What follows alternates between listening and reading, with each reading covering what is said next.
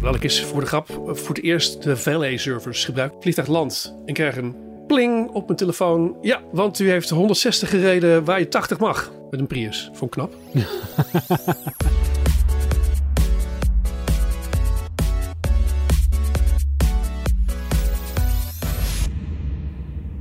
Hoi, leuk dat je luistert en welkom bij de Tweakers Podcast, aflevering 181. En ik zit vandaag aan de digitale virtuele tafel met Jurian Ubachs, Hallo. Jeroen Horlings Hey.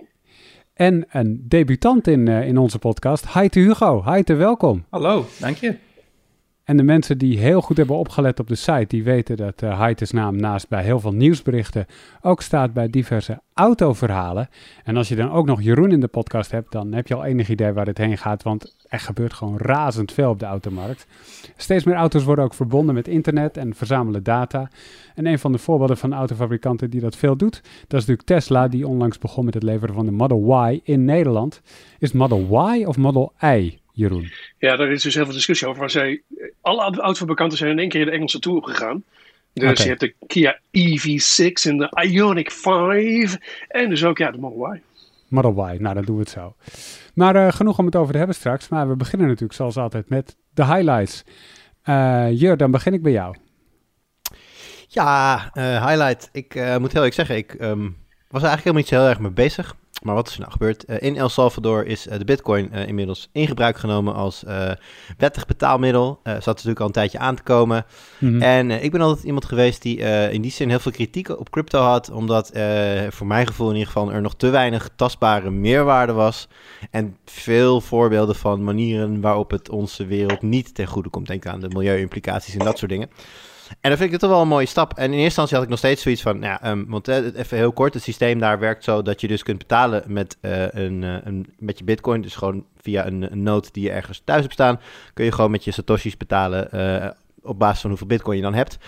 Bij winkeliers die dan niet per se dat hoeven te accepteren in Satoshi, maar dat kan, wat wordt dan door een systeem dat de overheid, dus eigenlijk zit de overheid daar min of meer nog wel tussen, die zet dat om in, in, in Amerikaanse dollars. Dat is hun nationale munt daar. Ehm, ja, dat e- eerst als ik zoiets van, ja, dan is het nog eigenlijk nog net niet helemaal wat het zou moeten zijn.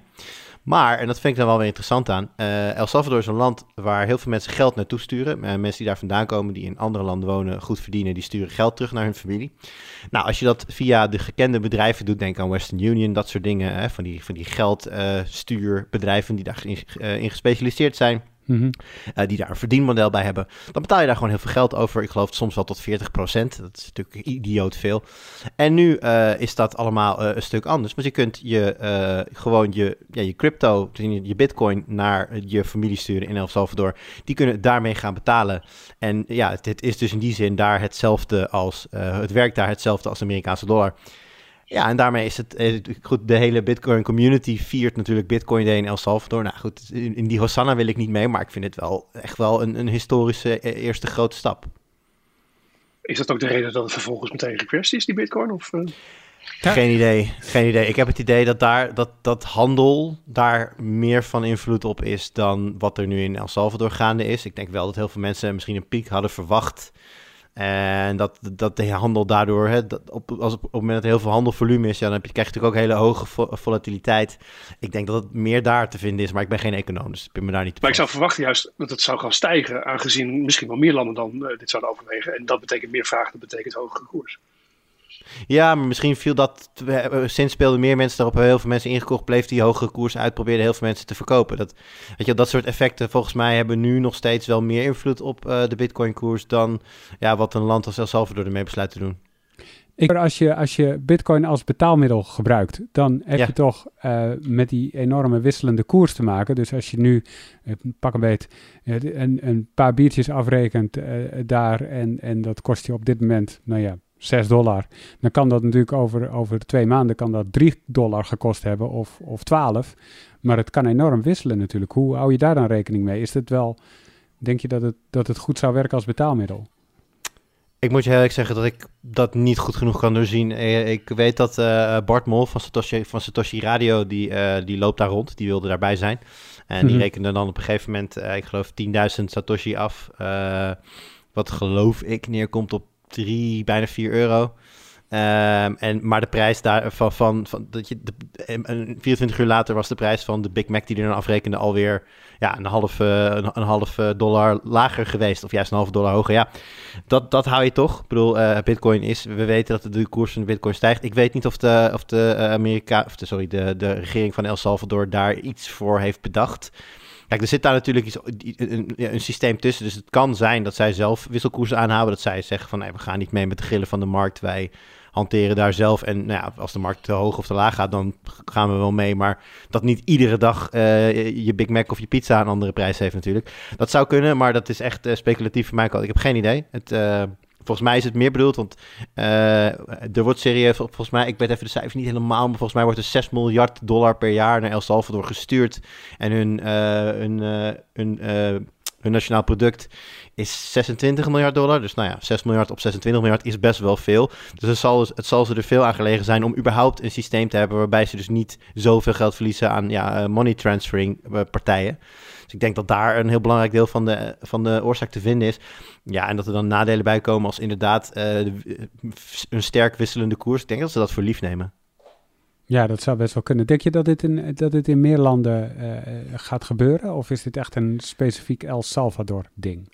Nou ja, dat weet ik niet. Um, kijk, ik weet niet of er veel landen zijn waar uh, zoveel geld naartoe wordt gestuurd. Maar het is natuurlijk niet nieuw. Uh, ik bedoel, ook mensen die in Nederland uh, wonen en werken en die familie hebben in minder welgestelde landen. dat is natuurlijk niet raar dat die, dat die mensen. Nou, ik heb het zelf ook wel eens gedaan. Ik had vroeger een vriendin uit het buitenland. Nou ja, wij stuurden toen ook nog wel eens een geldbedrag naar haar familie in het buitenland. En dat moest dan inderdaad via Western Union en dat kost dan geld. Dus nou ja, dat je dat kan, kan ondervangen is natuurlijk lekker. Um, ja, aan de andere kant heb ik zoiets van, dat zou je natuurlijk sowieso al wel kunnen doen met, met Bitcoin. Je kunt natuurlijk wel gewoon een Bitcoin wallet online hebben. Alleen dan zou je er niet lokaal mee kunnen betalen. Dus ik, uh, ik, ik weet nog niet helemaal wat daar dan de meerwaarde van is. Maar nee, ik denk als dit gaat werken, ik denk dat er heel veel landen zijn die even de kat uit de boom kijken. Mm -hmm. uh, ja, wie weet, wie weet draait het allemaal op niks uit. En uh, ik wat ik ervan las, was dat er ook heel veel systemen die er zijn uh, nog niet helemaal vlekkeloos werken. Uh, dat hele verhaal dat alle inwoners die eraan mee gaan doen uh, eh, 30 dollar aan bitcoin krijgen. Nou, dat, dat, dat is wel waar, maar dat, er zijn ook heel veel berichten van mensen die, die, die dat niet hebben gekregen of nog niet hebben gekregen. Dus nou, het is wel duidelijk dat er nog wat kinderziektes in dat hele systeem zitten. En ik denk dat heel veel uh, partijen en landen dat met veel interesse volgen. Nou, en mocht het wel succesvol zijn en mocht daar inderdaad... Stel je een situatie voor... Kijk, uh, ooit betaalden wij niet standaard met PIN. Weet je, was het nog echt een keuze of je met cash of met, met, met een pinpas ging betalen, weet je wel? Wie nog steeds. Wie, wie, wie, maakt die keuze ooit nog nu? Het is gewoon standaard je pinpas, tenzij het echt niet anders kan. Nou ja, op het moment dat in El Salvador straks iedereen standaard met satoshis aan het betalen is... en uh, amper meer met de briefjes uh, uh, Amerikaanse dollar...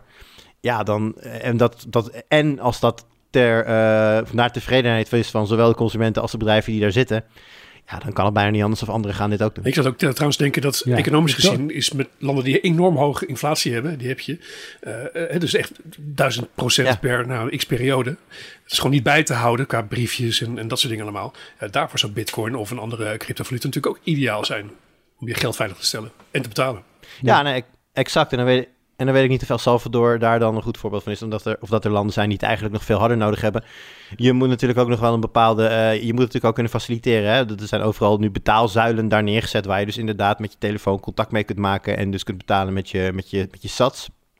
Nou ja, dat moet een land wel kunnen doen. Er moet daar wel een netwerk dus ook liggen dat dat kan uh, ondersteunen. Dat zal voor, voor, voor sommige landen nog wel een flinke hobbel kunnen zijn. Maar dat, dat, dat er uh, heel interessante kanten aan zitten, dat lijkt me duidelijk. Hey Jeroen, was het ook niet zo dat je korte tijd een Tesla kon bestellen met Bitcoin? Ja, dat was heel kort volgens mij inderdaad. Toen ging voor mij de koers ook uh, in één keer omhoog. En daarna toch weer niet. En toen ging ik weer omlaag. Ja, dat is dan zeker bij dat soort hele hoge bedragen. Is natuurlijk wel echt risicovol. Zeker voor de ontvangende partij. Ja, want als je dat, dat, die prijs in de Bitcoin uh, stabiel houdt, dan krijg je er zelf in één keer heel veel meer of heel veel minder. Dus ik kan me voorstellen. En los daarvan, ja. hè, dat, ik weet niet, ja, het is natuurlijk ook een argument. Uh, uh, die transacties kosten natuurlijk weer energie. Uh, dus ja, moet je dat op die manier, op die schaal willen, is weer de vraag. Ja. Ben jij een Bitcoin-liefhebber, Heite? Nee, niet helemaal. Ik ben. ik, ik... Nee, is het korte antwoord. Maar ik, ik, ik snap de voordelen van sommige partijen. Um, maar het voelt voor mij ook soms een beetje als, als een, iets waar je mee speculeert voor veel mensen. Maar dat ja. echt ingezet wordt als daadwerkelijk betaalmiddel. Kijk, in El Salvador, El Salvador nu wel. Maar in de praktijk is, ik weet niet of dat ooit het belangrijkste doel van Bitcoin gaat worden voor veel mensen. Ja, dat denk ik dus ook. Want het, ik hoor heel veel mensen over die het gebruiken als een soort van aandelen. Precies. Dus Ja. ze, ze stappen in en ze hopen dan dat de koers stijgt en dan willen ze weer uitstappen of een deel verkopen. Dus precies zoals je met aandelen zou doen. En als echt betaalmiddel. Ik heb dat één keer gebruikt trouwens. Dat is wel leuk hè. Met, eh, met eh, collega Krijn Soeteman. eh, die voor ons freelance waren we een paar biertjes wezen drinken. Dat is al jaren geleden. En ik heb het laatst nog uitgerekend. Dat hebben we toen. Ik heb een soort van. We hadden een soort van tikkie, maar dan via Bitcoin. Eh, en die biertjes hebben me, als het nu zou zijn, eh 75 euro per stuk gekost. Dus eh, dat is nu al vrij pijnlijk. Maar als, als, als betaalmiddel is dat inderdaad ook wel, ja, dan, dan zit je er ook mee. Naast natuurlijk je, dat er nu een centrale partij tussen zit, namelijk die overheid. En Bitcoin, daar was juist de belofte dat het helemaal decentraal en los van elke autoriteit zou zijn. Dit gaat daar toch ook wel filosofisch Ja. tegenin. Ja, dat zei ik al. Dus, hè, zij zijn dus eigenlijk die middlemen die dus zorgen dat bedrijven, eh, als zij niet eh, zelf eh, die satoshis willen accepteren en zelf de bitcoins ja, gewoon kunnen, kunnen op hun eigen rekening of op in hun eigen wallets willen hebben, zeg maar. Dan kunnen ze dat dus gewoon meteen laten uitbetalen in dollar. En daar zit dan dus inderdaad een middleman tussen. En ehm, ja, dat zal dan inderdaad de, de regering zijn. Ja, ik weet niet, misschien is dat wel de, de, eh, de noodzakelijke tussenstap. Dit is natuurlijk inderdaad niet volgens het ideologische plaatje dat ooit geschetst is als het gaat om eh, betalen met crypto.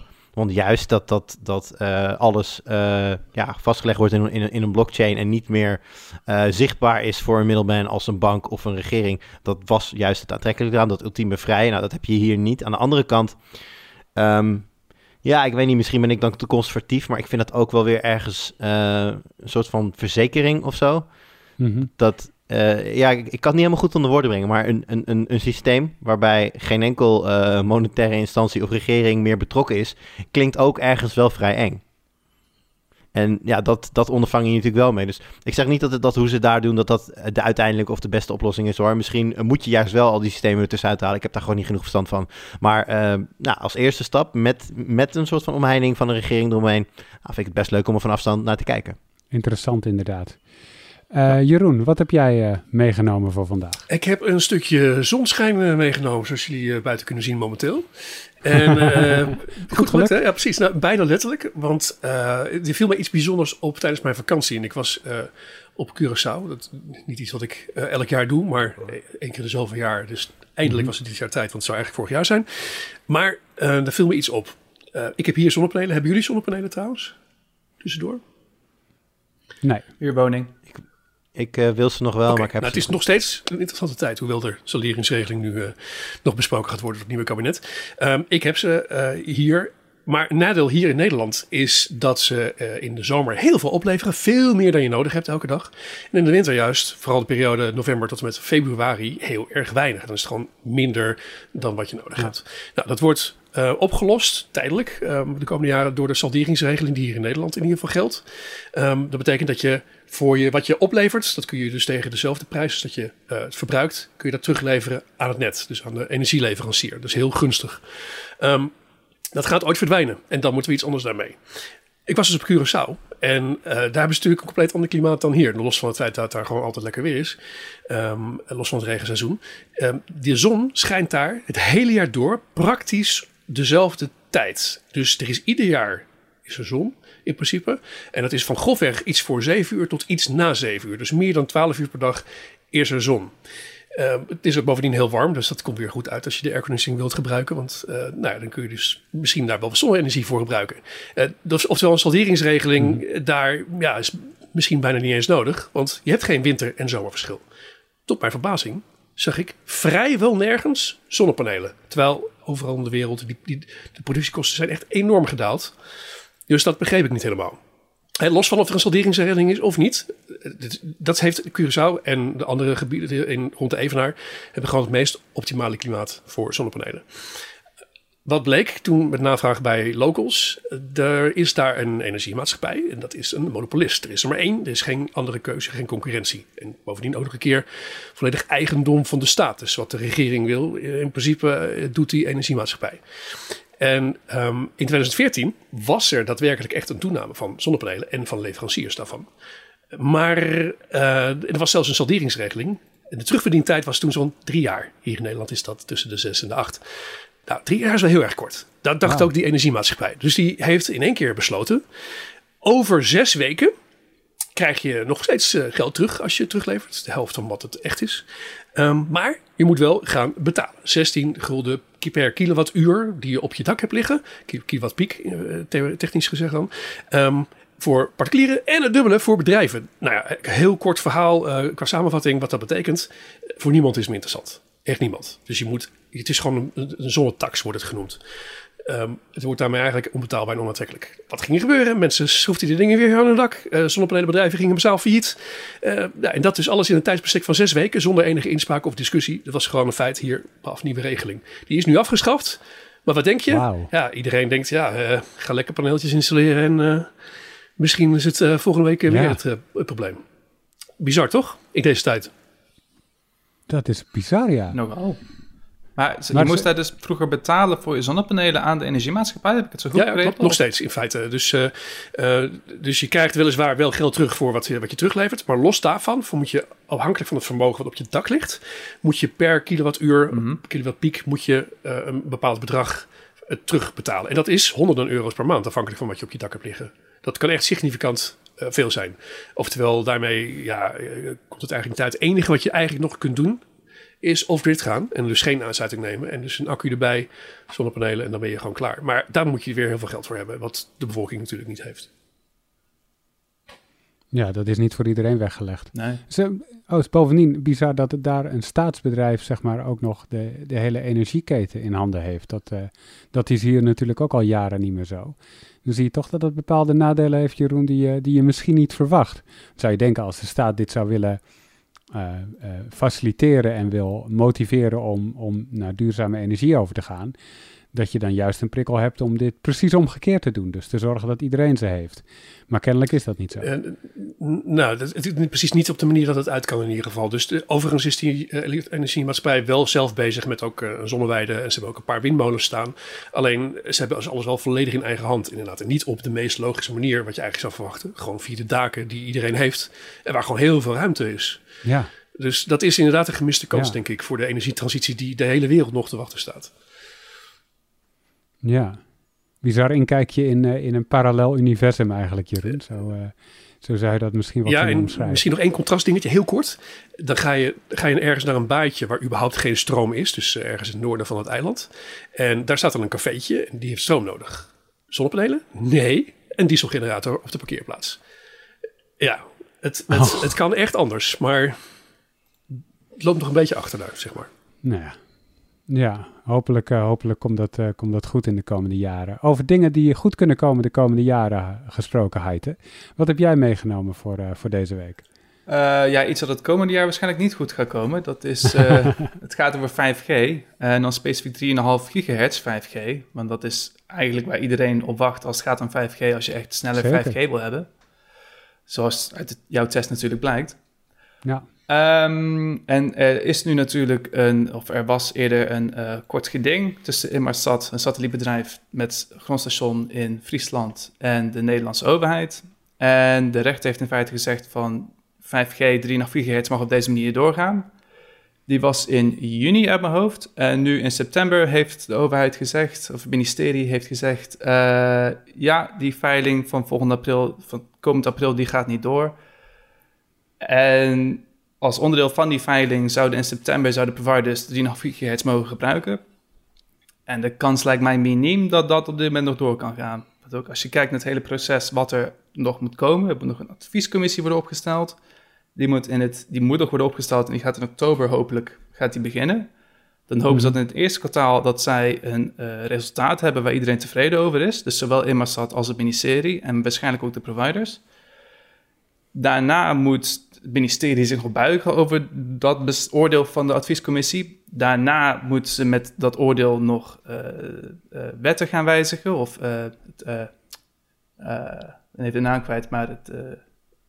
maar goed. En daarna moet dat nog naar de Tweede Kamer gaan. En daarna kunnen ze een veiling gaan doen. dus Wauw. Dit is een heel lang proces voordat je uiteindelijk die veiling hebt. En ik ben ook wel heel erg benieuwd waarmee ze gaan, gaan komen. Want zover ik begrijp zijn er nu uh, twee oplossingen. Uh, en eigenlijk zijn allebei de oplossingen niet optimaal voor minimaal één van de providers. Dus ik, ik ben heel erg benieuwd waar ze nog mee aan gaan komen. Maar dat, ja, want even in het kort probleem is, de providers willen 5G op die 3,5 gigahertz band, maar Inmarsat heeft een grondstation in Friesland, in Buren. Klopt. Uh, die maakt gebruik van die frequentieband en daardoor mag je nu nog in heel Noord-Nederland, dus boven de lijn Amsterdam, Zwolle, Enschede ongeveer, uh, mag je die 3,5 gigahertz band niet gebruiken. Uh, Klopt, ja. En de, en de oplossing is het verplaatsen van het grondstation, neem ik aan, Heite, of Gaan ze de frequenties delen of hoe gaan ze dat uh, proberen aan te pakken? Ja, dat is een beetje de vraag. Want verplaatsen is sowieso niet heel makkelijk. Want uh, Inmarsat heeft wel een backup station in Italië. Maar zij moeten er minimaal twee hebben om aan allerlei contractuele dingen te voldoen. Mm -hmm. um, en het gaat om uh, maritiem noodverkeer. Dus de overheid mag ook niet zomaar zeggen van jullie moeten gewoon weg. Dat heeft de rechter ook gezegd. Uh, en er wordt wel gesproken over dat er een nieuw grondstation komt in Griekenland. Waar ze dan naartoe zouden kunnen gaan. Maar zo'n grondstation heb je ook niet zomaar gebouwd met schotels en dergelijke. En volgens mij zijn de vergunningen daar ook nog niet helemaal voor rond. Dus dat is ook nog een beetje vaag wanneer dat dan eventueel klaar zou kunnen zijn. Dus zeker de komende jaren hebben wij hier gewoon in Nederland een klein probleem als het gaat om 10,5 gigahertz 5G. En er zijn wel twee oplossingen denkbaar. Uh, in één oplossing moet, uh, een van, moet een van de providers moet dan rondom Buren, dus in Friesland en Groningen in feite, en misschien nog wel meer, moeten ze gaan roamen op een uh, andere provider van 3,5 gigahertz, zodat ze niet mm -hmm. te veel interferentie veroorzaken met Buren, met Inmarsat. Um, of zij, uh, of Inmarsat krijgt gewoon een eigen frequentieblok en de andere providers die doen daar niks mee. Maar het probleem is dat Inmarsat een beetje midden in het frequentieruimte zit. Ja. Dus dan moet je als provider heb je een stukje van 50 megahertz hier en een stukje van 50 megahertz daar. Terwijl je het liefst één blok hebt van 100 megahertz. Ja. En het probleem daarvan is mogelijk uh, slechtere latentie en slechtere snelheid, et cetera. Maar dat zou dus betekenen dat een van de drie Nederlandse providers een netwerk heeft dat bewijsbaar slechter is dan dat van de andere netwerken. Dus ga je dan als provider zeggen, ik wil dat blok hebben, of, of ga je dan niet voor die, dat frequentieblok kiezen? Dus het, het, is denk ik heel lastig ook voor alle partijen om nu te bedenken, om nu tot één oplossing te komen waar iedereen tevreden mee is. En misschien dat de overheid, de Nederlandse overheid, daarom ook iets had van... in dat moet maar gewoon weg, want dat is nu een eenvoudige oplossing, zeg maar. Ja. Maar uh, ja, dat kan dus niet. En is die frequentie niet jou toch juist uh, vanwege dat uh, jouw artikel, Arnoud... waar het blijkt dat 5G eigenlijk helemaal niet zo heel veel sneller is dan 4G? of, dus oftewel, Zeker. hoe erg is dit? Aan jullie allebei de vraag eigenlijk. Dit is, dit is voor 5G. Is dit... ehm, nee, ik wil niet zeggen catastrofaal, maar er zijn weinig uitwijkmogelijkheden. Ja. 5G werkt nu in Nederland op de 700 megahertz. Dat is een hele goede frequentie qua bereik, maar daar heb je nog niks aan zolang 5G nog moet functioneren samen met 4G tegelijk op je telefoon. Dan heb je niet een beter bereik. Maar qua snelheid is de 700 megahertz helemaal niet ideaal, want dan heb je juist hogere frequenties nodig waarin meer ruimte is. En internationaal, en dat, dat zie je nu echt, daar is die 3,5 gigahertz is de frequentie voor 5G geworden. Uh, dat is waarop alle telefoons werken, waarop alle netwerkapparatuur wordt gemaakt. En dat is dus de frequentie waarop iedereen wil inhaken om van 5G een veel sneller netwerk te maken dan 4G. Maar dat kan dus in Nederland niet. Dus het gevolg is, we zitten nu gewoon met een netwerk dat wel werkt. Je hebt gewoon 5G. Het is ook echt 5G, alleen het is gewoon geen spat sneller dan 4G.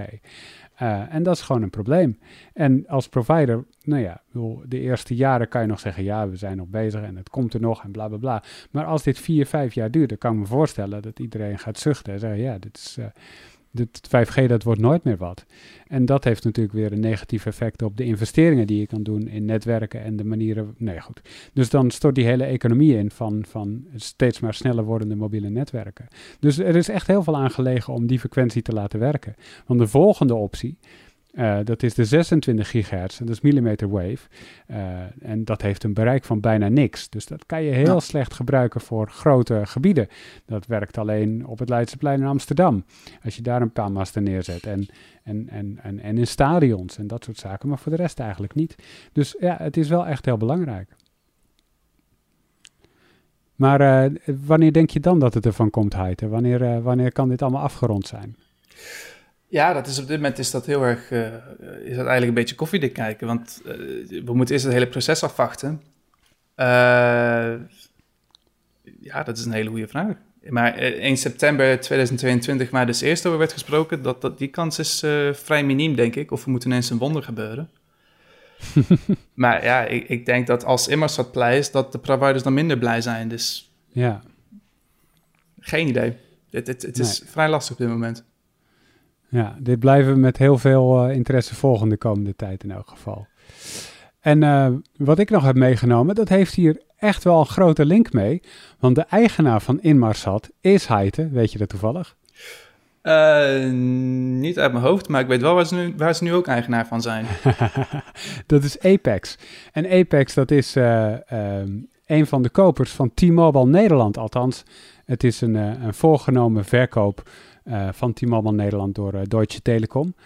dat moet eind dit jaar rond zijn en eigenlijk twijfelt niemand eraan dat dat gaat lukken. Want het is niet zo'n omstreden overname als van Tele2 door T-Mobile of de samenkomst van Vodafone en Ziggo een paar jaar geleden. Dit is wel echt een, stuk makkelijker qua concurrentie.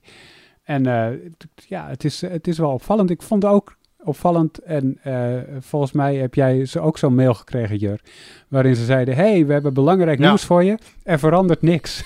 ja, heb ik ook ja, dat was een hele interessante mail. Ik dacht, ik dacht al van, oh, oh, nu gaat het komen. Er verandert niets. ja, kan je dan, dank je. Ik kreeg hem twee keer ook echt. Waarschijnlijk omdat ik zowel mobiel als thuisgeland ben. Mm -hmm.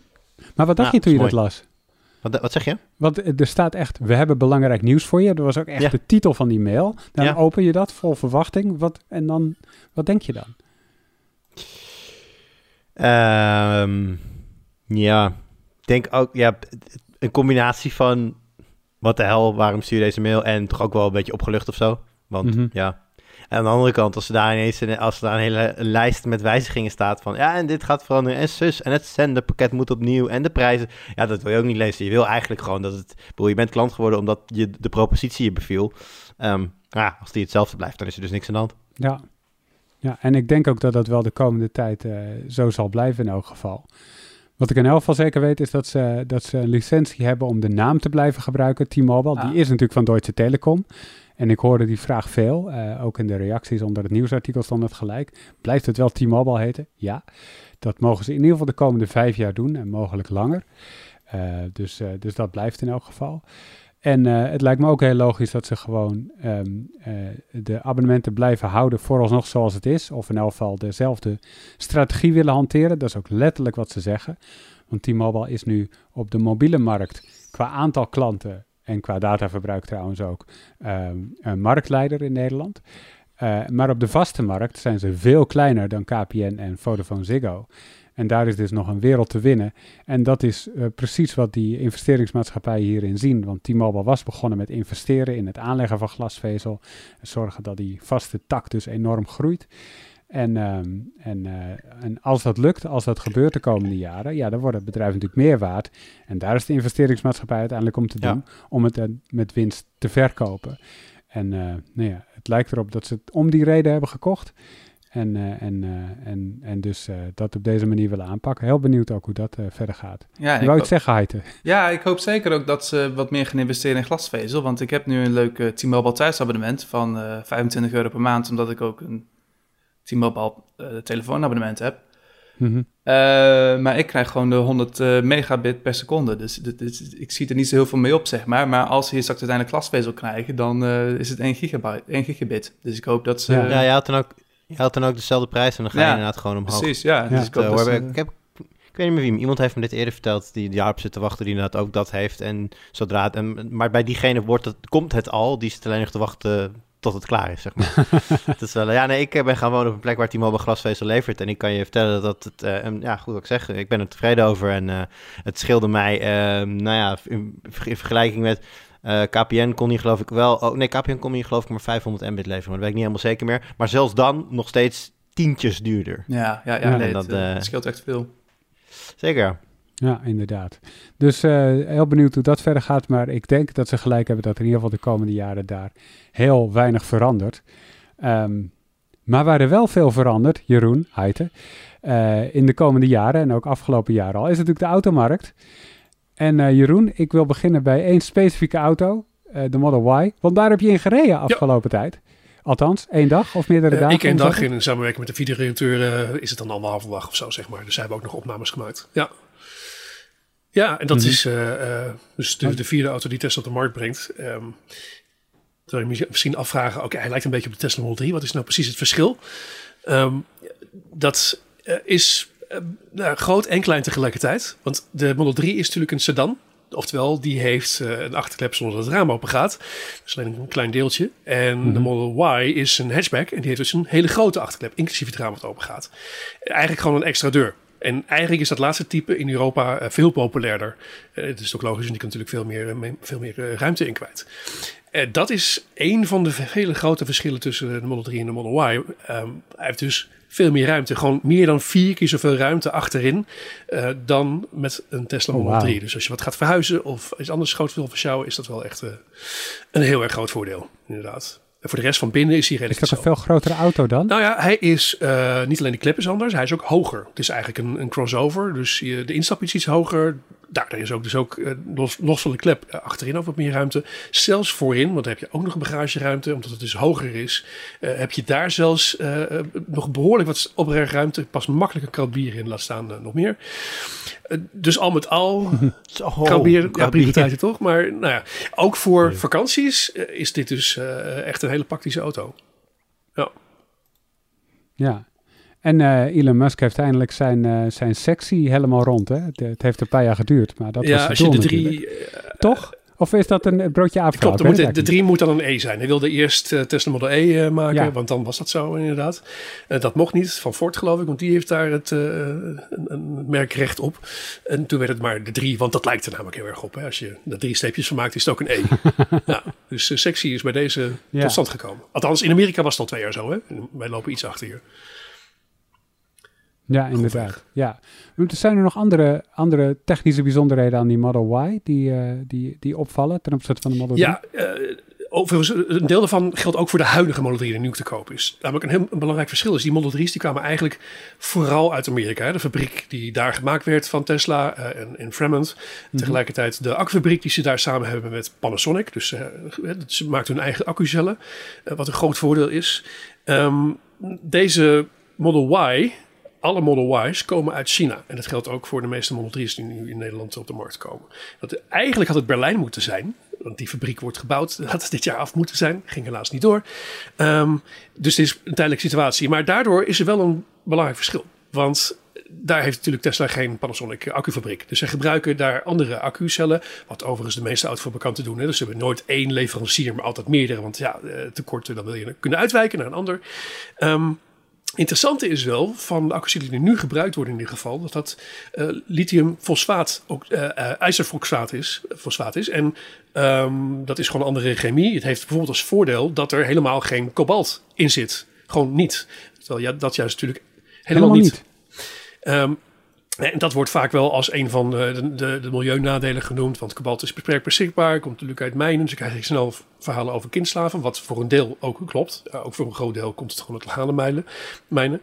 Um, maar goed, dat is dus een belangrijk voordeel. Uh, het is zelfs goedkoper om te maken. Is ook een voordeel. Het kan zelfs tegen uh, een hoger vermogen snel laden. Omdat het beter tegen warmte kan.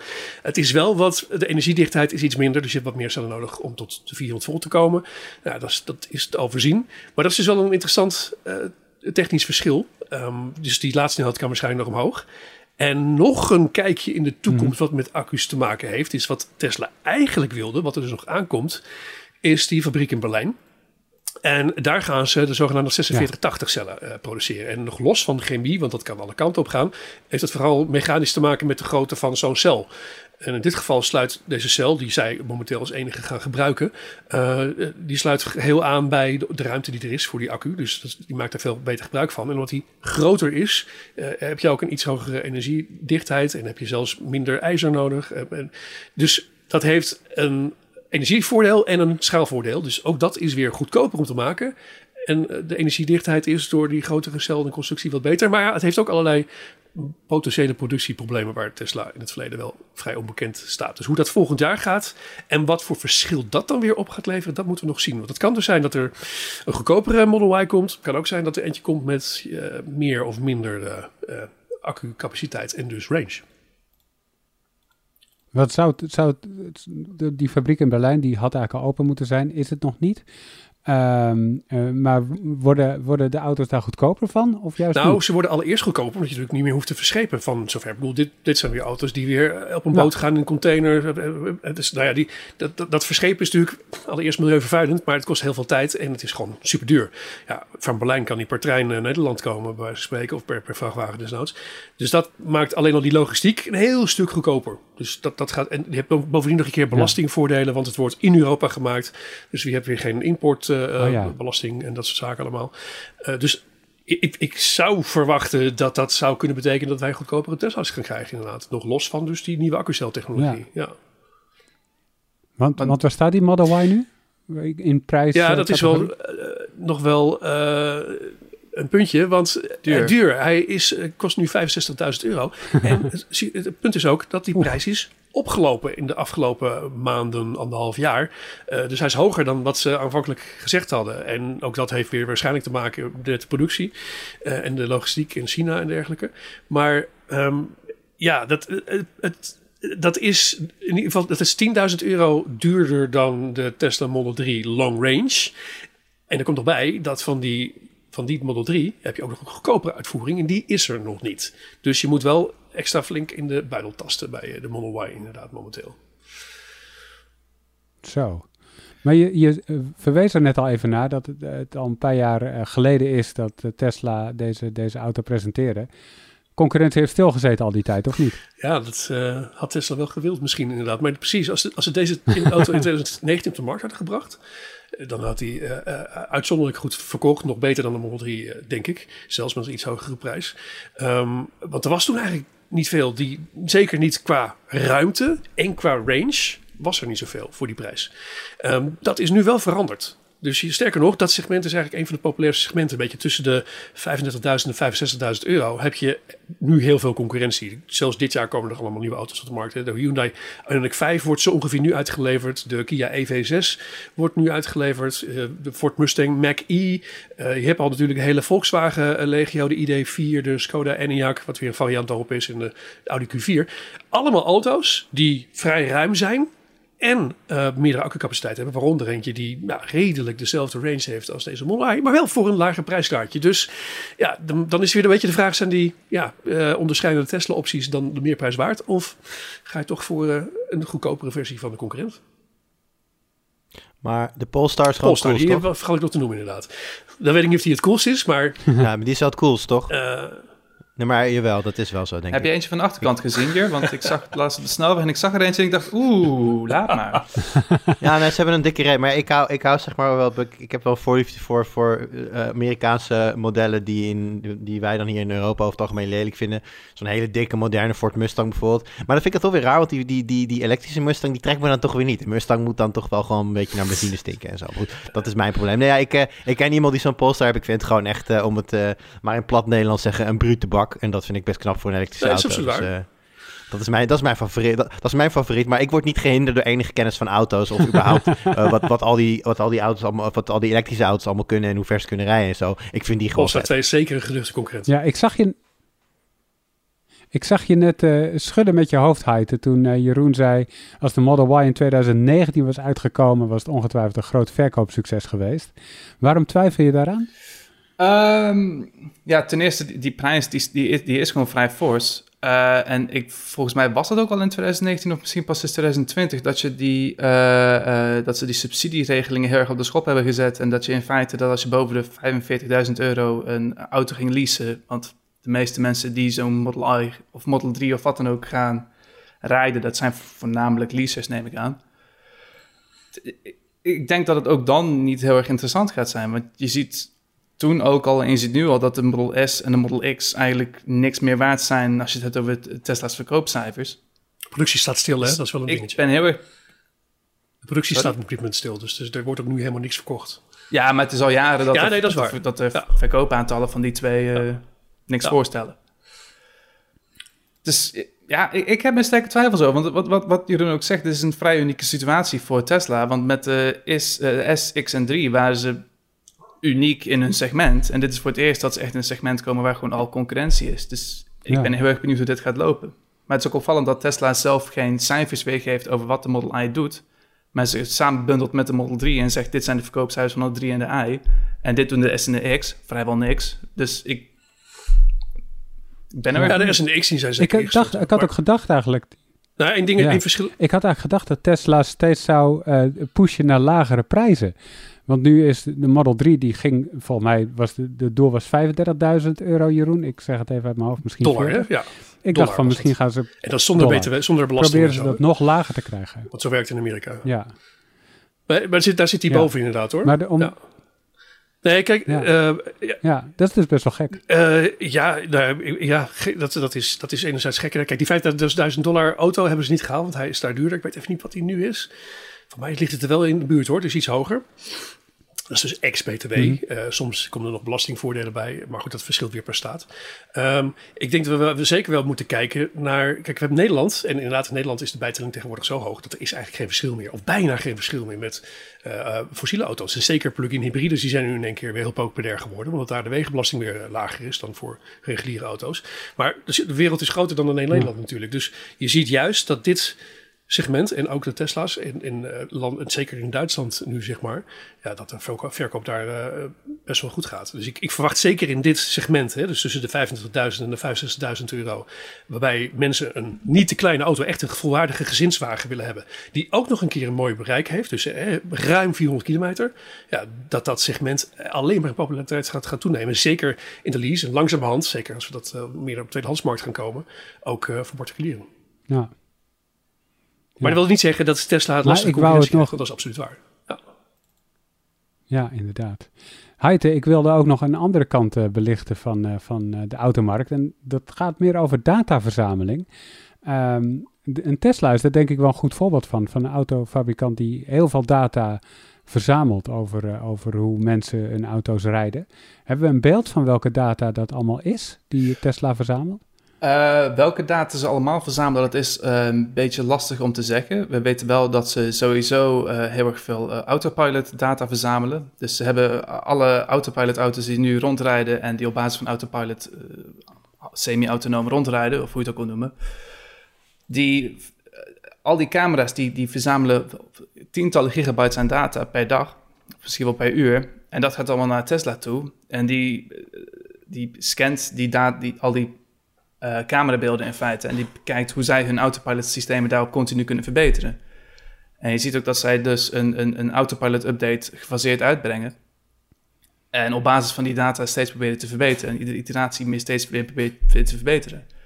En daar is Tesla wel redelijk uniek in. Ook in de zin dat zij er vrij open over zijn over wat zij daarmee doen dat heeft ook een keerzijde, die dataverzameling van Tesla. Want die kunnen ze ook best tegen je gebruiken als zij daar zin in hebben. Er zijn bijvoorbeeld in uh, Nederland is er begin dit jaar iemand die had Tesla aangeklaagd.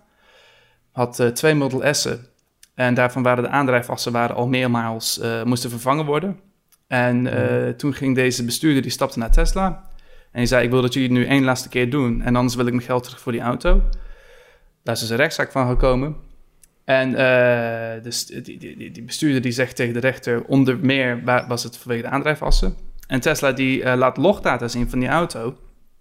En zegt op basis van die data, ja, maar deze bestuurders die trekken zodanig hard op. En dat gebeurt veel vaker dan deze twaalf andere Tesla bestuurders. Dus eigenlijk zijn deze, is, is, dit, is dit niet conform, want ze misbruiken die auto een beetje. Ze trekken te vaak te hard op. En ja, dan kan je trillingen krijgen. En dat zeggen we ook hier in de voorwaarden. Dus ja, en toen zei wow. de rechter ook, onder meer vanwege dat, zei hij ook van, uh, ja, prima, geen geld.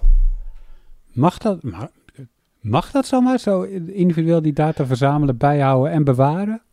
Je moet zo, dat is uh, ook een puntje. Uh, je moet sowieso eerst toestemming geven voordat uh, Tesla die autopilot data verzamelt. maar ik neem aan dat niet veel bestuurders hadden gedacht dat het op deze manier tegen ze gebruikt had kunnen worden. Ja, Um, maar of het mag data verzamelen, dat is. Uh, ja, maar het is ook een beetje. Het, het, is een lastig onderwerp. Niet alleen bij Tesla, maar bij alle autofabrikanten die willen steeds meer data, willen ze om wat voor reden ook, willen ze proberen te verzamelen. Um, Maar een auto is een ander voorwerp dan bijvoorbeeld een smartphone of een ander technologisch apparaat wat, wat, wat, wat vaker meer persoonlijk is en, en wat vaker mhm. Minder vaak verkocht wordt of zo. Kijk, een auto, uh, stel uh, Jeroen heeft, uh, die, die koopt die Tesla Model Y waar hij onlangs in heeft gereden. En jij zegt, Arnoud, jij zegt, goh, daar wil ik eens een keertje in rijden. Dus Jeroen mhm. leent de auto aan jou dan heb jij niet echt toestemming gegeven aan Tesla om die data te verwerken. Maar Tesla weet natuurlijk niet dat jij in die auto zit. Nou. Dus dan gaat Tesla onbewust gaat jouw eh, data verzamelen. Terwijl maar de vraag is of jij daar toestemming voor hebt gegeven. En is een andere situatie denkbaar dat als jij een auto verkoopt aan iemand, jij, Jeroen verkoopt die Tesla aan jou, hoe weet jij dan, moet, moet Jeroen dan tegen jou zeggen van, oh trouwens, hij verzamelt ook je data, moet je misschien maar eens op letten en ergens uitschakelen in instellingen of zo? En, of moet je dan het systeem resetten en dan krijg je opnieuw de voorwaarden Het systeem wordt opnieuw gereset inderdaad. Want je hebt een app nodig en om dat te kunnen doen moet alles gereset worden. Dus ik weet het niet zeker. Maar ik kan me voorstellen dat je dan dus opnieuw wel met die voorwaarden akkoord moet gaan. Dat zou kunnen, ja. Maar dan nog heiten. Zeg maar, zeg maar, als ze zeggen we verzamelen data van Autopilot, want we willen die dienst verbeteren. Ik bedoel, dat is een hele prima reden. En uh, by all means, probeer het maar, is goed upload dat maar. Maar op het moment dat ze dan terugkomen en zeggen... ja, maar ho even, in 2016 heb je de hele zo en zo... heb je, heb je heel hard oplopen optrekken... en ze gebruiken dat tegen in een rechtszaak. Dat is wel een heel ander gebruik van die data... dan waarschijnlijk het doel waarmee ze eh, het verzameld hebben... en wat ze omschreven hebben. Dus daarvan denk ik, ja, daar kan je juridisch nog wel een boompje over opzetten misschien. Uh, dat zou je zeker kunnen. Ja. Denk ik, dat is zeker proberen waard. En ik heb ook uh, aan de autoriteit persoonsgegevens gevraagd van, uh, goh, hoe zit dat met die data? En uh, zij zeggen zelf daar niet zo heel veel klachten over te ontvangen, maar zij zijn daar ook niet uh, het juiste loket voor natuurlijk, want je moet dan gaan bij, het, bij de autoriteit in het land waar, de, waar het bedrijf gevestigd is, zeg maar. Dus waar ze hun Europees bedrijf gevestigd ah. hebben. Net als met, dat je bij, als je een klacht hebt over Facebook, moet je naar Ierland stappen. Um, dus ja, ik weet niet in hoeverre dat, dat daar veel klachten over zijn. Maar ik kan me voorstellen dat dit in de toekomst wel een probleem gaat opleveren, ja. Ja, ja als ze de hele tijd wapperen met die logboeken in rechtszaken, kan ik me voorstellen dat er wel klachten binnenkomen. Wat wij zeggen, nou, Jeroen? Ik heb nog een leuke anekdote, misschien, al gaat het niet over Tesla. Het gaat, uh, je, hebt, je, hebt, nu een aantal reisverzekeringen, zoals de AWB. Um, ehm, dat is zeker met, uh, je, daar moet je ook een vinkje aan vinken. Althans, je moet zo'n ding uh, erin stoppen, OBDC-kastje. en die logt dan alles, inclusief hoe snel je rijdt. En die weet ook waar je rijdt en die weet ook vervolgens hoe hard je daar mag rijden. Dus als je dus harder rijdt dan is toegestaan, ook binnen de bouwdekom, overal, uh, dan kost het dus premie. Dan moet je dus extra premie gaan betalen. Tegelijkertijd, als je je overal keurig aan, uh, aan alles houdt, dan scheelt je premie. Dus dat idee aan zich is natuurlijk best wel interessant. um, hoewel ook weer gevaarlijk als dat straks verplicht zou kunnen worden. Ik had dat op mijn, of heb dat nog steeds op mijn tweede auto, uh, die ik gebruikte voor een, uh, toen ik een keer naar Schiphol moest. Um, ik dat was voor twee dagen, dus ik denk, nou, laat ik eens voor de grap voor het eerst de valet servers gebruiken. Kennen jullie dat? Dus je komt aanrijden, je, er staat iemand met een bepaald hesje. Je geeft je auto af, sleutels. Je checkt natuurlijk even wel of het klopt allemaal. En dan rijdt hij weg en dan rijdt hij naar een parkeerterrein. En jij stapt vrolijk het vliegtuig in. Je hebt dus echt helemaal geen tijd meer met parkeren. En, en het kost dus een vast bedrag. Het was heel goedkoop bovendien, 25 euro of zo. Um, en ik stap het vliegtuig in. Vliegtuig land en krijg een pling op mijn telefoon. Ja, uh, bij deze is uw uh, premie, weet ik van wat, boete dit, dat en zus en zo. Want u heeft 160 gereden waar je 80 mag. Met een Prius. Vond knap, allereerst. En dat was dus omdat blijkbaar dus die, uh, die valet guys, uh, die hadden dus uh, daar lekker lopen trappen om zo snel mogelijk weer bij die parkeerplaats te zijn. En weer snel terug voor de volgende auto die klaar stond te wachten, zeg maar. dus het is goed gekomen, maar het is wel een, misschien een voorbeeldje hoe het ook tegengebruikt kan worden inderdaad, als je je auto uitleent. Ja, nou, zo. inderdaad. Nee, maar zeker de, die, die verzekeringen die zijn ook een interessant voorbeeld van hoe, hoe, het, hoe, hoe het is om daarbij op te letten. Want uh, een uh, opvallend detail, uh, als jij te vaak te hard rijdt, volgens de ANWB of je verzekering of wie dan ook, dan kunnen zij jou op een gegeven moment weigeren. En dan word je dus van de verzekering afgeschopt. En is het daarnaast ook nog eens moeilijker om bij een andere verzekeraar aangesloten te worden. Dus het is inderdaad heel goed opletten met, met leen ik dan mijn auto met dat product wel uit aan mensen of hoe, hoe ga je daarmee om? Ja. En worden er geen fouten gemaakt met het systeem. Maar dat kan uiteindelijk veel geld gaan kosten, ja. ja. Maar het is wel eh, eh, ook wel iets wat waarschijnlijk in de toekomst alleen maar nog maar groter gaat worden. Dus ook een soort locatiegebonden verzekeringen. Dat, dat je auto, want je auto die wordt ook steeds meer verbonden met, eh, via 4G met, met andere bedrijven en met je autofabrikant. En eh, dan kan dus ook zo'n data inderdaad daarvoor gebruikt worden. En dat gaat in de toekomst... gaat dat En misbruikt worden dus inderdaad. Want wat, wat voor, Ja, ja. Wat voor data verzamelen ze nu, Heite? Eh, We hadden het over Tesla, die gebruikt voor autopilot heel veel. Mhm. Maar ook dus andere data, want eh, dat bleek wel uit die rechtszaak in elk geval. Wat voor data verzamelen autofabrikanten over het algemeen? Wat, wat, wat gaat er dan naar de cloud? Eh, ook dat, ja, dat, dat, dat verschilt heel erg per autofabrikant en, en hoe ver ze daarmee gevorderd zijn, zeg maar. Maar sowieso alle auto's die sinds 2020 op de markt verschijnen, hebben een e-call systeem. Mhm. Dus als je een ongeluk krijgt, eh, dan eh, verstuurt jouw auto verstuurt data naar een eh, eh, 112-centrale. met, eh, s- eh, die, die, daar is een ongeluk gebeurd, deze locatie, zoveel inzittenden waren, er, zoveel airbags zijn eraf gegaan. Waarschijnlijk ook zo snel heeft hij gereden, als ik me niet vergis. Dus het kan gaan om zulke soort data. Eh, het kan ook gaan om eh, andere telematische data. Dat een autofabrikant kijkt hoe vaak bepaalde knoppen bijvoorbeeld worden gebruikt in een auto. En zo kunnen ze op basis daarvan kunnen ze de auto weer verbeteren. Maar de, eh, het, wordt, het, gebruik van sensoren in auto's en data, zoals ik al zei, gaat alleen maar groeien. Want je hebt bijvoorbeeld ook auto's, waaronder Tesla, maar ook bepaalde Mercedes S-klasses, waarin je sensoren hebt en camera's in de auto. Die bekijken, heb jij je ogen wel open, let je wel op in de auto. Dus het gaat ook steeds meer om biometrische gegevens die zo'n auto weer bewaart. En Zo. Het gaat over locatiegegevens, inderdaad hoe hard je rijdt en om, daar onderzoek naar te doen als autofabrikant zijnde. En dat kunnen ze dan ook weer verkopen of delen aan met andere bedrijven. Maar wat, wat doen ze met al die data? Waar- waarom, waarom willen ze weten of ik mijn ogen open heb? Eh, of je je ogen open hebt, dat, dat kan... eh, in- Aansprakelijkheidskwesties? ja, nee, zeker. Dat is waar Tesla's bijvoorbeeld voor wil gebruiken. Want eh, alle Tesla's sinds x bouwjaar die worden geleverd met een camera in de binnenspiegel. Maar die camera werd eh voor lange tijd niet gebruikt, maar willen ze nu wel gaan doen om te kijken of jij wel achter het stuur zit en oplet. Want het is Mhm. wel vaker in het nieuws voorgekomen dat je autopilot aanzet en een gewicht hangt aan je stuur en dan gewoon lekker op de achterbank gaat zitten.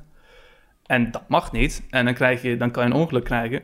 En dan is Sterker nog, je mag je handen überhaupt niet van het stuur afhalen. tijdens Nee, precies, precies. Maar er zijn, ja, je hoeft maar een, ja, het comfort in de praktijk. Ja, ja, dus hebben ze een cameraatje weer, ja, nee, dus daar hebben ze een cameraatje weer voor om te kijken of je wel je ogen open houdt en niet aan het slapen bent achter het stuur of zo. Nou ja, ik zie dan ook wel het voordeel dat als eh, iemand van de valet parking bij Schiphol bijvoorbeeld ineens 160 met je auto rijdt, dat je dat met een camera in je auto zou kunnen bewijzen, dat jij dat niet zelf was. Eh, dus wat dat betreft heeft het ook alweer een bepaald voordeel. Maar het klinkt wel heel erg, eh, hoe zou ik het zeggen? Eh, Orwellian of... eh? Ja, het Ja. heeft echt wel een soort van eh, eh, de, eh, de- de- heel beangstigend iets over zich. Heel, heel dreigend of zo. Ik weet niet. Het- Want je weet ook niet waar ze die Ja. ook data nog meer voor kunnen gebruiken. Misschien Maar naar waar tegelijkertijd- jongens, eh, we staan natuurlijk hoge boetes op, op dingen als appen achter het stuur, maar het gebeurt nog steeds heel veel. Dat je, als je op de snelweg rijdt, zie je nog steeds genoeg mensen even, toch even snel een telefoontje pakken. Zeker. Ik denk, kijk, ik bedoel, hè, eh, de totale controle slash politiestaat eh, moeten we denk ik niet willen, maar dit soort dingen kunnen wel helpen om mensen normaal te laten doen achter het stuur, omdat ze gewoon weten van ja, als er iets gebeurt terwijl ik mijn telefoon in mijn handen heb, dan wordt dat sowieso vastgelegd en, en dan is er geen onderuit lullen mogelijk. Dan staat het gewoon vast en dan ben ik gewoon bokkie klaar. Dus ja, ik weet niet. Ik, ik, ik, ik denk dat ik toch wel. eh, ik, ik, ik zie ehm, nee, ik weet het niet. Ik weet echt gewoon niet hoe ik hierover denk. Ik, ik zie M pluspunten en minpunten. Ik, ik voel heel veel voor. eh, ik vind eh, veiligheid op de weg het grootste goed. Ik denk dat de wetenschap dat je vastgelegd kunt worden terwijl je aan het rijden bent. En je gedrag dus. Ja, niet dat je nooit kan zeggen. Ik keek helemaal niet op mijn telefoon. Ik reed helemaal niet te hard. Ik zat heus wel op te letten. Nee, dat als daar gewoon duidelijk. Eh, ja, gewoon feitelijk bewijsmateriaal van is, altijd. Ik denk dat mensen van zichzelf al een stuk beter gaan opletten en zich een stuk normaler gaan gedragen achter het stuur. Ja, maar in die zin is die discussie vrij vergelijkbaar met de versleutelingsdiscussie. Want dat kan ook voordeel hebben om te zeggen, we gaan geen bestanden meer versleutelen en de politie moet er altijd bij kunnen. Dat kan ook voor, voordelen op het gebied Ja. van het bestrijden van bijvoorbeeld kinderporno. Maar aan de andere kant, eh, voor bijvoorbeeld journalisten kan het weer negatief uitpakken als de politie eh, al onze berichten kan, kan doorlezen. Ja, maar controleren of iemand achter zich wel of niet aan het opletten was, vind ik toch iets anders. Ja, omdat je dan maar- he- heel direct praat over eh, iemand die zijn leven wel of niet kan verliezen. Eh, ik vind dat dan toch net anders dan versleutelde bestanden ja. Nou ja, maar het kan ook zijn dat die camera, die, die kijkt niet alleen maar of jij je telefoon vasthoudt, maar die ziet ook jouw gezicht. Dus die ziet ook, ah, dat was eh Jurian die in de auto zat. Maar wacht eens, even, Jurian heeft eerder gezegd dat hij in de auto zat, maar dat hij iets anders aan het doen was. Ja, plus je hebt ja, oké, maar natuurlijk... je eh, kunt ook ja, Je kunt ook eh, daar gewoon regels voor opstellen natuurlijk. Ik bedoel, eh, er zijn ook al momenten... de- Weet je, als, als er een, een, een, een, eh, een rechtsgeldige eh, eh, reden is om jouw laptop eh, open te doen en jouw bestanden te bekijken, dan kan er via een rechtelijk bevel dat gewoon geregeld worden. Je kunt ook zeggen van, nou, die data wordt, wordt vergaard, wordt ergens opgeslagen. Moet je een heleboel hoepels door. Heeft allemaal beveiligingsimplicaties, dat snap ik wel. Maar je kunt natuurlijk wel zeggen van, nou, die, deze data is niet standaard beschikbaar voor Tesla of voor wie er dan ook achter zit. Maar mocht er een keer wat gebeuren, dan kunnen hè, een politie die bijvoorbeeld een, eh, een, een ongeluk onderzoekt, de beelden opvragen en dan dus wel bekijken van oké, wat is er precies gebeurd in de, eh, toen het ongeluk gebeurd is. Ik denk dat je daar op zich eh, niet hele rare dingen, eh, of ik denk dat dat niet een heel raar iets is. Ja, het lijkt me ook, want het, nu verga je die data om reden 1. Maar wat natuurlijk vaak gebeurt is dat er een bijkomende reden komt. Dus dan ontdekken ze dat als mensen veel in hun hoofd zitten, dat ze misschien hoofdpijn hebben. Hup, een gepersonaliseerde advertentie met een aanbieding voor paracetamol. Mag trouwens niet in Nederland, maar dat terzijde. Maar, zeg maar om, om maar eens iets te noemen van hoe dat, hoe dat dan anders kan gaan. En hoe denk jij erover, Jeroen? Hoe, eh, hoe sta jij erin? Moeten moet er gewoon steeds meer camera's en sensoren om de veiligheid te verbeteren in, in auto's zitten? Of zeg je nou, de- er is wel echt een grens aan van wat we zouden moeten Nou, willen? precies zoals deze discussie blijkt, het heeft voordelen, het heeft ook nadelen. Dus ik denk dat daar uiteindelijk een stukje regulatie eh, nodig is, want dat is er nu eigenlijk heel beperkt. En, en, en inderdaad een zwarte doos in je auto, zoals hier eigenlijk zegt, ja, dat, dat idee, daar heb ik zelf niks tegen. Dat, inderdaad, dat je bij een ongeluk kan zien, dit en dat gebeurde er en zo, dat gebeurt. Maar je moet er niet mensen, altijd bijvoorbeeld al bij kunnen. Mensen doen al zelf natuurlijk, hè? Mensen doen het al zelf natuurlijk, hè? De hele reden dat, eh, nou, ik weet niet, ik ken redelijk veel mensen die bijvoorbeeld een dashcam zelf hebben Ja. eh, geregeld. En ze- aan beide kanten. En eh, heel veel auto's, volgens mij kun je ook wel auto's kopen waar het gewoon standaard al in zit, een camera voor en achter, zodat het allemaal gewoon wordt vastgelegd, mocht er inderdaad wat gebeuren. Ja, dat is, dat is in principe hetzelfde, alleen dan heb je het meestal in eigen beheer. Dat is dan, ik- dat ik snap dat dat wat lekkerder voelt. Maar dat, maar dan gewoon centraal geregeld. Ik ben, niet, ik ben denk ik niet tegen. Ja. Nou, lijkt me een goed punt om, eh, om dit eh, onderwerp af te sluiten. Wil ik tot slot nog even vooruitkijken naar wat er op de site gebeurt. En eh, een van de, van de dingen die eraan komt, Jeroen, dat is natuurlijk een video van de. Model Y. Verrassing, verrassing. ja, hoe, hoe rijdt hij? Kan je daar Ja, iets over eigenlijk redelijk vergelijkbaar als de Model 3 inderdaad. Ja. Uitvoering met twee elektromotoren, eh accu in de bodemplaten, dus het rijdt heel stabiel. Het zit ietsje hoger, maar Mhm. er is niet heel veel verschil. Dat merk je niet, dat hij aan de, ho dat hoger wat dat is. Maar ja, zo goed heb ik het niet echt toen direct kunnen vergelijken tussen de Model 3. Dat zou je wel moeten merken. Dat de Model 3 ligt natuurlijk nog wat lager. Dus dat is in principe een betere wegligging. Eh, het, het is als je sportief wil rijden, kan het beter met de Model 3 met de Model Y. Maar ook de Model Y is weer vrij stug gestuurd. Dus voor de sportieve rijder eh, vindt het fijn. De niet-sportieve rijder die meer voor comfort wil, die kan misschien beter naar de concurrentie kijken met wat meer zachte vering. Want ja, dat, eh, hoe hoger een auto is, hoe meer daar, eh, dat, dat, die hobbeltjes in Almere wel voelbaar zijn, zeg maar. ja, en voor de rest op de site nog, eh, als je van smartphones houdt, dan wordt het een hele leuke week voor je. Want eh, de review komt eraan van de Galaxy Z Fold 3. Daarvan zeggen we wel gewoon Z en dat zeggen we lekker niet in het Engels. Eh, de smartphone BBG, dus weer tijd voor nieuwe aanraders. En we hadden het al even over die 5G-test. Eh, ik keek in het verhaal van, eh, van deze week naar de netwerken.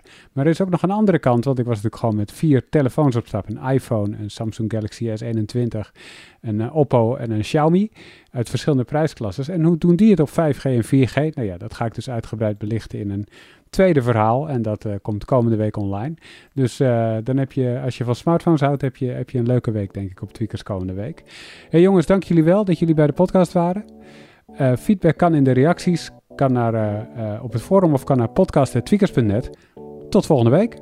Doei! Doei doei.